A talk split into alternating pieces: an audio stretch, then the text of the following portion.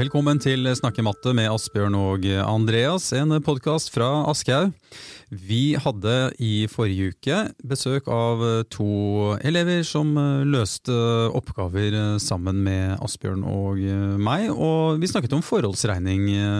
Asbjørn, med, med jentene. Det var, mm. det var, utrolig morsomt først og fremst å få, få de hit i studio og virkelig eh, sette dem på prøve, men også bli satt på prøve sjøl i forhold til hvordan vi går frem for å snakke matte med, med elever. Mm, helt klart. Det var veldig gøy å ha de på besøk, og så merker man jo når man jobber med de at det er jo uvant å jobbe med elever som man ikke kjenner i det hele tatt fra før. For Jeg var jo på en måte blank før vi, før vi kom inn i, i, studio og ante ikke hva elevene mestret fra før. Ante ikke hvordan de var. Eh, og det er jo selvfølgelig utfordrende.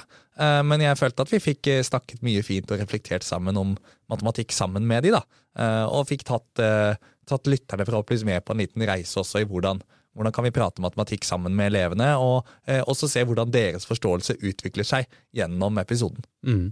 Det som slår meg da i, i, denne episoden, som du i det store og det hele styrte, da, Asbjørn, eh, det er jo hvordan du holder igjen, eh, og ikke lar deg friste til å gå for fort frem. Mm. Mm. Du prøver rett og slett det som uh, elevene kommer med, selv om det ikke nødvendigvis er riktig, men, men da for å, for eksempel, for å avkrefte eller bekrefte at uh, her må, det er noe annet vi må lete etter. Mm. Ja, jeg tenker det er kjempeviktig. Vi må ta elevenes forslag på en måte på, på alvor, da. Uh, fordi de kommer jo med en idé som de oppriktig tror er riktig, eller de, de, som de tenker at dette er et godt eksempel. Uh, og så når man undrer seg litt over det, og man merker jo på de jentene at de var ikke nødvendigvis kanskje så vant til det alltid heller. Når vi undret oss over når de kom til 10,5 i stedet for 11,5, når de delte 23 på 2 f.eks., og vi undret oss over ok, ja 10,5 kan det være riktig, da? Uh, så er nok mange vant til å få en, en sånn bekreftelse fra læreren på at enten er det riktig, eller så er det ikke riktig. Uh, og det å da undre seg over er hvordan, hvordan kan dette stemme, uh, da merka man at de ble litt usikre og ga jo uttrykk for det og ble litt sånn frustrerte. Mm. Uh, og den frustrasjonen, den er, den er, bra, tenker jeg, og den ønsker vi. Og den blir jeg glad for å se når jeg ser den hos mine elever, da. Selv om mine elever, som til en viss grad er vant til det, blir blir også frustrerte når jeg ikke gir dem noe, gir de noe svar. da, mm. Og vi må finne ut av det sammen. Mm. For du sa vel, eh, Det var vel et svar som var riktig hos eh, jentene, og så sa du men er du sikker? Ja. Altså Du ville virkelig eh, få det bekreftet at, at de var sikre i sin sak, og kanskje måtte ja, gå en ekstra runde, da, bare for å komme, mm. komme med en slags konklusjon? Ja, og jeg tror det er veldig viktig at vi stiller det spørsmålet også hvor de har kommet fram til riktig svar. For hvis vi alltid stiller det spørsmålet når elevene har feil svar, så vet de jo at hvis vi stiller spørsmålet 'er du sikker', så betyr det at de har gjort noe feil. Og da funker jo ikke spørsmålet. Mm. Uh, altså da, da, er det jo som om du hadde sagt 'nå har du gjort noe feil', du bare sier det på en litt mindre tydelig måte. Mm. Uh, så Derfor er det veldig viktig at vi stiller det spørsmålet også når de har gjort noe som er rett. Og hvis du da faktisk er på jakt etter ja, kan du overbevise noen andre i klasserommet her om hvorfor det er riktig. Uh, for noen ganger kan jo en elev ha skjønt at det er rett, men du som lærer vet jo at det sitter i hvert fall ti folk her fortsatt som ikke er med på hvorfor dette er riktig. Hvorfor blir det 11,5? Uh, og da ta den runden med er du sikker på at det kan være riktig, så uh, både bruker man litt mer tid, uh, og så får man forklart det kanskje på en annen måte, som gjør at det er større sjanse for at flere elever i klasserommet henger med på resonnementet. Mm. Og Du la jo veldig opp til i episoden at de jentene skulle lytte til hverandre. Mm. forklare til hverandre hvordan de tenkte.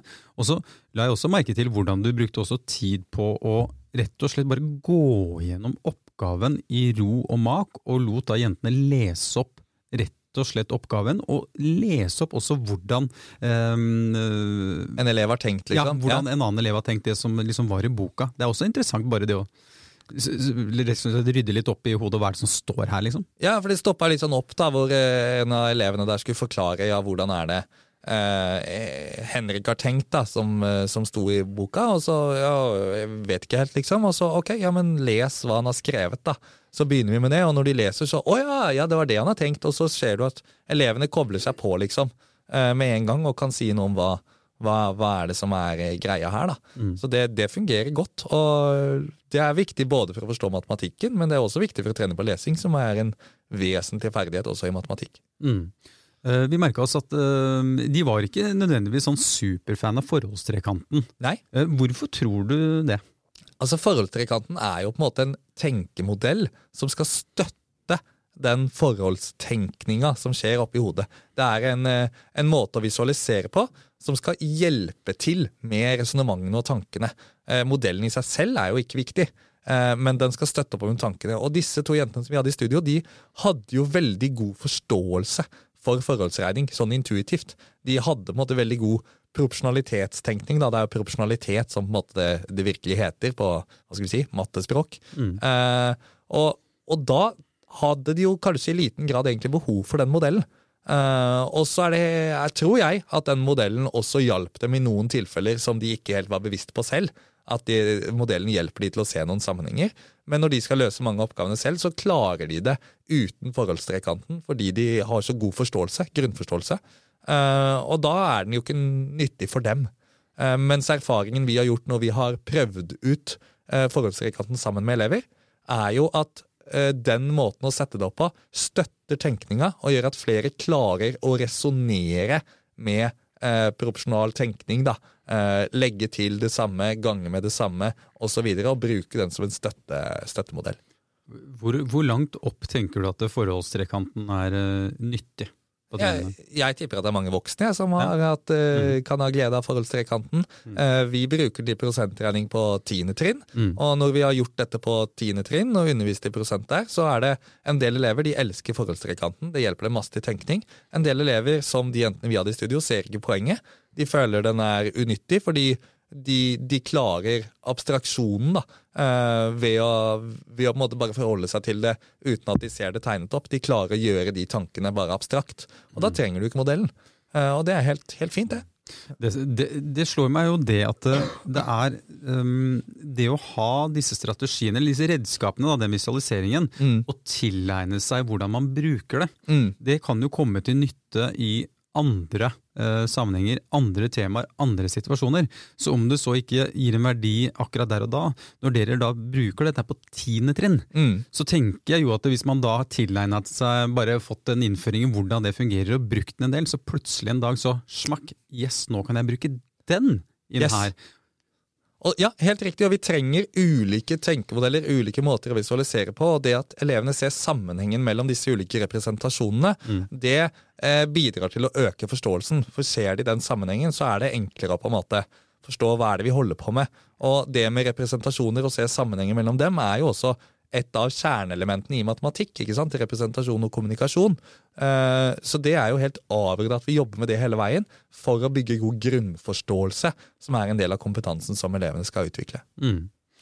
Uh, hvis vi går litt sånn mer spesifikt inn på, på, på, forholdsregning. Vi er jo nå i kapittel fire i Matemagisk uh, eh, 6a, for de som uh, vil titte litt samtidig i den. Men når det gjelder da, altså, forholdsregning i praksis jeg, Disse jentene som vi hadde i studio, de sa liksom åh, hva er forholdsregning, og var litt nervøse rett og slett før vi gikk på. Og så, de jo, så skjønte de jo at dette, dette behersket de, så det var bare kanskje selve begrepet i seg selv som var ukjent. Men dette er ting som de får bruk i det virkelige liv, tenker jeg. Det er lett å liksom relatere dette temaet til ting i hverdagen mm. for oss som lærere. da. Mm, helt klart. Og elevene vil jo kjenne seg igjen i ulike situasjoner der de eh, kjøper varer på butikken, eller også når man kommer bort i at man handler med eh, ulike valutaer, f.eks. euro, dollar, som elevene vil komme bort i livet.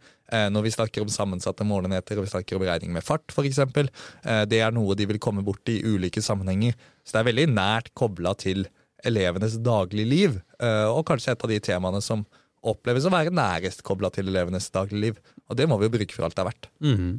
Sånn i klasserommet da, så ser jeg for meg at vi kan jobbe utforskende, sånn som vi gjorde i, i forrige episode, men også eh, praktisk. Altså det, er, det, gir rom for å variere undervisningen eh, godt, rett og slett. Mm, mm. Ja.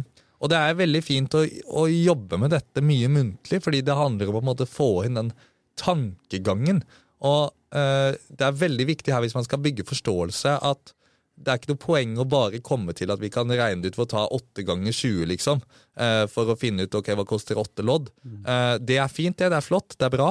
Eh, men vi vil også ha ulike strategier som kanskje er mer egnet for hoderegning. da. Ok, Hvis vi vet pris på fem lodd og pris på tre lodd, ja, da kan vi legge sammen og finne pris på åtte lodd. Og Det virker på en måte intuitivt, men elevene blir vant med den måten å tenke på. Og Senere skal de bruke denne bl.a. i arbeid med prosent. Uh, og da den samme tenkemåten, det er det samme som ligger til grunn. samme matematiske konseptet, men for elevene så virker det annerledes. Og der er det flere misoppfatninger og på en måte flere ting som kan gå galt, da, i gåseøyne.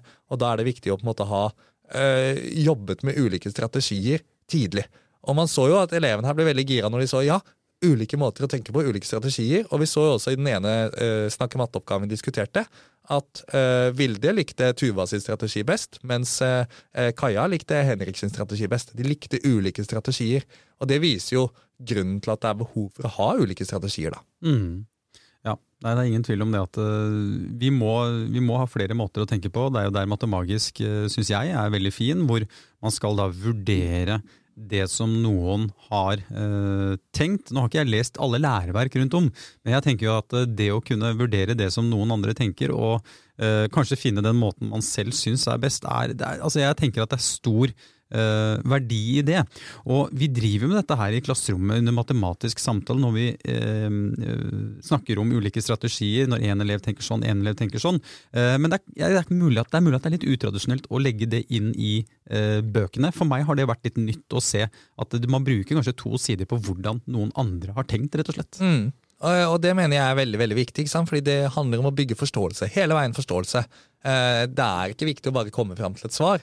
Eh, men det er viktig hvordan er det vi kan komme fram dit, fordi vi skal se sammenhenger med ulike løsningsstrategier. For det kan vi ta med oss inn i nye oppgaver. Og det er det som på en måte er, eh, er nøkkelen her, da. Mm. Uh, vi har jo da vært innpå dette med forholdstrekanten. og hvis man da, altså Når man skal liksom presentere elevene for forholdstrekanten, hva tenker du? Altså Nå har vi vært igjennom en men hva er liksom en god start? En god start er rett og slett bare å begynne å bruke den. For jeg mm. tror at eh, i forbindelse med forholdstrekanten, så eh, hvis du bare skriver det opp flere ganger, så blir elevene vant med den tenkemodellen. Mm. Og så er det viktig å si at forholdstrekanten er egentlig bare en dobbel tallinje. ikke sant? Så mange lærere er kjent med begrepet dobbel tallinje. Eh, og forholdstrekanten er det samme, bare at det er satt opp som en trekant. Mm. Og den eneste forskjellen på en måte er at når eh, størrelsen eller tallene blir større, så blir det også større avstand mellom dem i forholdstrekanten. Og det at avstanden øker fordi sant, du kommer lenger og lenger unna hverandre i selve mm. trekanten, det gir en forståelse, en sånn eh, underliggende greie om at ja, tallene blir litt større, mens på en dobbel tallinje er det vanskeligere å få grep om størrelsesforholdene. Fordi du, på en måte, avstanden mellom tallene er lik hele veien. Mm. Uh, og det er grunnen til at vi har valgt å bruke forholdstrekanten mye mer enn vi bruker dobbel tallinje. Men elevene må bli må se en dobbelt tallinje òg, for de kan jo se det i, i, mange andre sammenhenger og bør kunne forstå hva en dobbelt tallinje er. Men for å på en måte hjelpe til med denne resonneringa eh, og det som skal skje oppi hodet, så opplever vi at veldig mange elever synes at forholdsrekanten er bedre å bruke. Nå fikk jeg en liten åpenbaring her, noe som jeg må innrømme at jeg har ikke tenkt så mye over det, men at den faktisk Det blir jo større avstand, ja. Det blir større avstand. og det... Søren at ikke jeg, uff, jeg Det er nesten litt flaut, men jeg, jeg, må innrømme, det der har ikke jeg tenkt så mye på. Nei, sant? Og det er jo fordi det er jo ikke noe som er viktig å snakke med elevene om, eller noen sånne ting. Det er bare en intuitiv greie ja, ja. som gjør at den modellen for mange elever fungerer bedre enn det en dobbel tallinje gjør. Mens du så disse elevene som var i studio her forrige uke, da, de har så god forståelse for forholdstenkning at de ville helt fint klart seg med en dobbel tallinje, og kanskje ikke den engang. ikke sant? Mm. Fordi de har kommet dit i abstraksjonsgrad at de ikke trenger det for å hjelpe dem med å, med å resonnere. Ja, for det var vel Kaja som sa at eh, jeg ville satt opp på en linje, var det ikke det hun sa? Ja, eller hun sa liksom ja. jeg ville satt opp bortover. liksom. Ja, ja, jeg mm. tolka det som ok, du ville skrevet en, en, eh, en dobbel tallinje. Mm. Eventuelt ikke, bare, ikke engang tallinja, bare skrive tallene nærmest som i en slags tabell. da. Mm. Og det er jo selvfølgelig helt fint, uh, men forholdstrekanten kan altså bidra med å gi mer intuitiv forståelse for hva det er som skjer her. Mm, mm. Eh, vi, vi, har jo eh, altså Sammensatte målenheter mm. er jo også noe man kommer inn på her. Pris på varer, lønn, fart og valutakurser. Vi snakka, vel, du nevnte det så vidt i stad. Men du skriver da i Matemagisk at vi kan tenke på samme måte uansett hvilken sammensatt måleenhet vi jobber med. På, på, hvilken måte? Ja, altså Greia der er jo det er denne proporsjonalitetstenkningen. ikke sant? Med at hvis vi, hvis vi har prisen for tre eh, og, og, prisen for fem, så kan vi legge sammen de to prisene for å få prisen for åtte.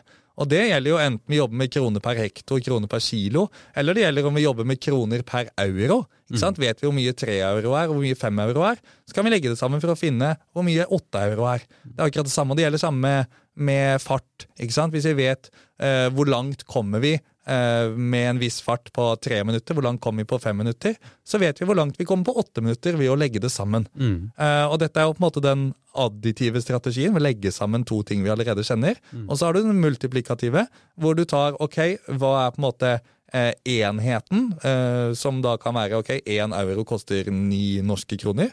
Og så multipliserer vi opp. ja, Hvis vi skal ha tolv euro, så ganger vi med tolv. Mm. Og det funker med euro, det funker med pris per eh, hektor, pris per kilo. Eh, det funker med lønn per time, det funker med meter per sekund, kilometer i timen. ikke sant?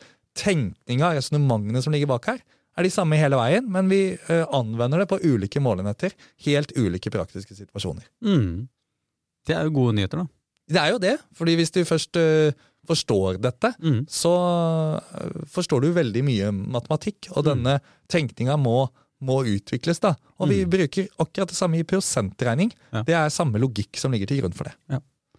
Um, Det er jo ikke bare denne forholdstrekanten som, um, som vi kan bruke. Nå har vi vært så vidt innpå det, men um, det er jo tabeller man kan bruke, og så har du nevnt også da uh, tallinjene. Og alle disse tre alternativene er jo da presentert i, i, i Matemagisk. Har du, uh, har du, forresten, har du noen personlig favoritt av disse strategiene, eller er dette bare for uh, å servere, sånn at vi, fordi vi tenker litt på ulike måter, så alle kan være like gode, kanskje? Ja, det kan de være. Og så snakka vi litt om fordelene med forholdstrekanten. Og jeg, jeg liker jo den, og det er en grunn til at vi har viet mest plass til den. Mm. Og det er fordi at de elevene som strever mest med forholdsregning, da, Ja. veldig mange av de opplever at det er enklere å tenke og forstå med forholdstrekanten. Eh, Men når man først har catcha konseptet, så kan du si da trenger vi jo ingen av visualiseringene lenger. Da kan vi sitte her og resonnere rundt det uten at vi ser noe visuelt foran oss. Eh, og det er jo nettopp tenkemodeller. Og det er jo sånn at Elevene bør få anledning til å tegne disse så lenge som de trenger, enten de bruker dobbelt tallinje i forholdstrekant tabell. Eh, og når de føler at ja, men nå forstår jeg dette uten å tegne, ja, da trenger de ikke å tegne. Da kan de visualisere det med, eh, eller skrive det opp med mer eh, formelle utregninger. Men vi må aldri la elevene slutte å skrive og slutte å vise hvordan de tenker. De må vise det, men de trenger kanskje ikke gjøre det ved tegning lenger. Det syns de er tidkrevende. Hvis de har catcha poenget, da kan de bli trent på å skrive mer formelle utregninger. Men vi skal være litt obs på bruk av likhetstegn her, for veldig mange elever vil f.eks. skrive, da, eh, hvis vi tar euro som eksempel, én euro er lik ni kroner, så skriver de én er lik ni, to er lik 18, tre er lik 27, uten noen målenheter. Og det er jo ikke riktig. Eh, så det er veldig viktig at elevene eh, bruker likhetstegn rett hele veien, og at vi lærerne er oppmerksomme på det. Samme med kroner per kilo, ok, eller lodd. Eh, Ett lodd koster 20 kroner. Da skriver de 1 er lik 20, 2 er lik 40, 3 er lik 60. Og det stemmer jo ikke. Eh, Men ett lodd er lik 20 kroner. Det kan du skrive hvis du har med målenheter. Ja. Det er riktig. Eh, Så vi må være litt obs på det som lærere, og ta tak i det bruket av Men, men når de skriver at to er lik 40, vil du ha noe Altså du vil ha mer kjøtt på beina her? Ja, da må de enten skrive to lodd er lik 40 kroner, eller så må de sette det opp mer med en tenkemodell hvor 42 står ved siden av hverandre uten noe likhetstegn. Som de kan gjøre på en dobbelt tallinje, som de kan gjøre i en tabell, og som de kan gjøre på forholdstrekanten. Mm, mm. Og så øh, desimaltall. Vi kom jo så vidt inn på det i øh, episoden med Kaja og, og Vilde. Eh, Jeg ser jo da at eh, desimaltallet f.eks. i 0,25 ganger 48, så kan vi erstatte det med brøk, sånn at eh, 0,25 blir en, en firedel. Og så kan man gjøre om til prosent. 25 um, Det er jo interessant dette her skulle forstå sammenhengen da, mellom brøk, desimaltall og prosent. Det virker ganske viktig å, å, å sette inn dette her nå og få det til at man ser, ser sammenhengen. Ja, og skal du regne ut 0,25 ganger 48, så tror jeg mange vil eh, sette i gang med noen algoritmer. Ja, eh, ja. ikke sant? De fjerner kanskje kommaene, tar 25 ganger 48 først, og så deler de på 100 etterpå osv. Og det fører jo fram, men det er jo utrolig tungvint hvis vi skal regne i hodet. Mm. Som forholdsregning handler jo om å bygge opp forståelse som gjør at vi kan resonnere i hodet. Og da kan vi jo først finne halvparten. 0,5 ganger 48, ja det er halvparten, det er 24. Mm. Og 0,25 ganger 48, ja det er halvparten av halvparten. Mm. Halvparten av 24 er 12, svaret er 12. Ferdig. Ikke noe algoritmer, ikke noe hokus pokus. Mange elever vil kunne være med på den type resonnementer med litt trening. Og de resonnementene kan jo utvides da til ok, hvis vi skal regne ut 1,25 ganger 48. Det tror jeg veldig mange vil si er et vanskelig regnestykke å regne ut. Mm. Uh, men å regne det i hodet går helt fint med litt trening Mm. for veldig mange elever. Vi finner 0,25 ganger 48, og vi har trent på forholdsregning og vet at 1,25 ganger 48 ja, det er da summen av 1 ganger 48 og 0,25 ganger 48. Mm. Og da får vi 48 pluss 12, og det er 60. Den gode gammeldagse vis utregning. Mm. Um, hvis du skulle gitt eh, dette her på en prøve til eh, elevene, Mm. uh, hvor, hvor, hvor mye skal vi godta uh, av svar? Fordi jeg er jo oppdratt med du skal skrive den algoritmen, du skal eh, det, det er liksom i hvert fall den, mat- de, den matteundervisningen jeg hadde, da. En forholdstrekant, helt ypperlig. Hvis du i tillegg supplerer den med et par setninger der du forklarer hvordan du har tenkt, Ja. Så er det helt glimrende. Da er det fabelaktig god kommunikasjon. Ja. Men bare en forholdstrekant i seg selv, som er fylt ut opp til da 1,25 og øh, viser at det er 60, det er strålende. Mm. Mm. Ja. Nei, men eh, Ja, Asbjørn. Forholdsregning. Det begrepet i seg selv var kanskje ukjent eh, for, for sjetteklassingen, men eh, de har nok god erfaring med det. Men eh, eh, ser vi nå at det å drive med forholdsregning du, Man må jo ha bygget et godt fundament her, da, opp mot mellomtrinnet, for å få dette godt til. Man, man ser jo at man trenger grunnleggende tallforståelse, og Ja. man ser jo betydningen av å kunne regne ut halvparten av et tall, en firedel av et tall. Eh, ikke sant? At man kan, eh, man kan multiplisere opp, man kan legge sammen tall. Du får jo veldig mye grunnleggende tallforståelse inn i dette. Eh, og så handler det om å resonnere, få elevene til å sette ord på hvordan de tenker, se sammenhengen mellom ulike strategier og ulike representasjoner. Ikke sant? Man kan bruke samme representasjon, si en forholdstrekant, men bruke ulike strategier, f.eks. additivt, multiplikativt. Man kan eh, bruke ulike representasjoner, men samme strategi. Så her er det mange ting å forske på og se sammenhenger mellom i klasserommet. Jeg føler at det var oppsummeringen Ja, av episoden. Tenker det er fint, jeg. Ja. Yes, folkens. Det var Snakk i matte, det med Asbjørn og Andreas. Husk da å abonnere på Snakk i matte, det er ekstra hyggelig når dere gjør det. Så inntil da, inntil neste uke, så får dere ha det riktig fint. Og så høres vi.